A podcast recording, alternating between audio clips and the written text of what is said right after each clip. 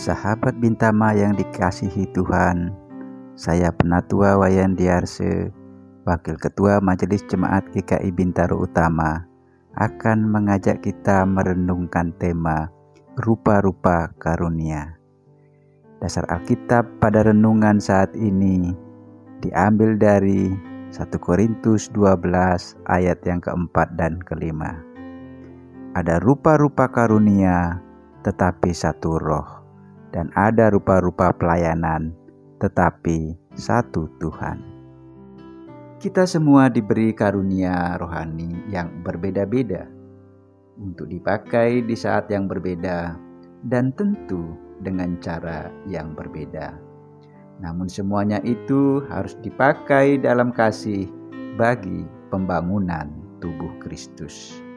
Di mana pun Allah menempatkan kita, kita dapat memakai apa yang telah dikaruniakan kepada kita untuk melakukan sesuai dengan apa yang dibutuhkan, sembari mengingat bahwa kita semua merupakan anggota dari gereja, yaitu tubuh Kristus.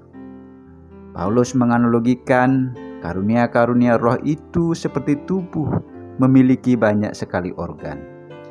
Semua bagian tubuh memiliki keunggulan, keistimewaan dan keunikannya masing-masing. Dan ketika semua difungsikan dengan baik, maka pemilik tubuh itu akan bersuka cita.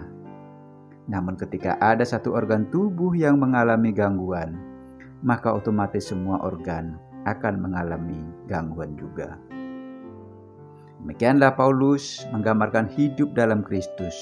Di dalam keberbahagiaanlah kita dipersatukan di dalam Kristus. Di dalam Kristus, perbedaan menjadi indah karena saling melengkapi dan mengisi. Sahabat Bintama yang dikasihi Tuhan, di tengah situasi pandemi ini, tentu banyak orang yang mengalami ketakutan, baik dalam kesehatan dan kelanjutan hidupnya, karena terdampak dengan ekonominya.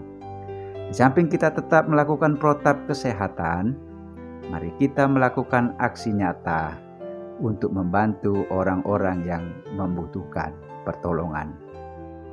Biarlah kuasa Roh Kudus memimpin dan memampukan dalam karya dan pelayanan kita. Amin.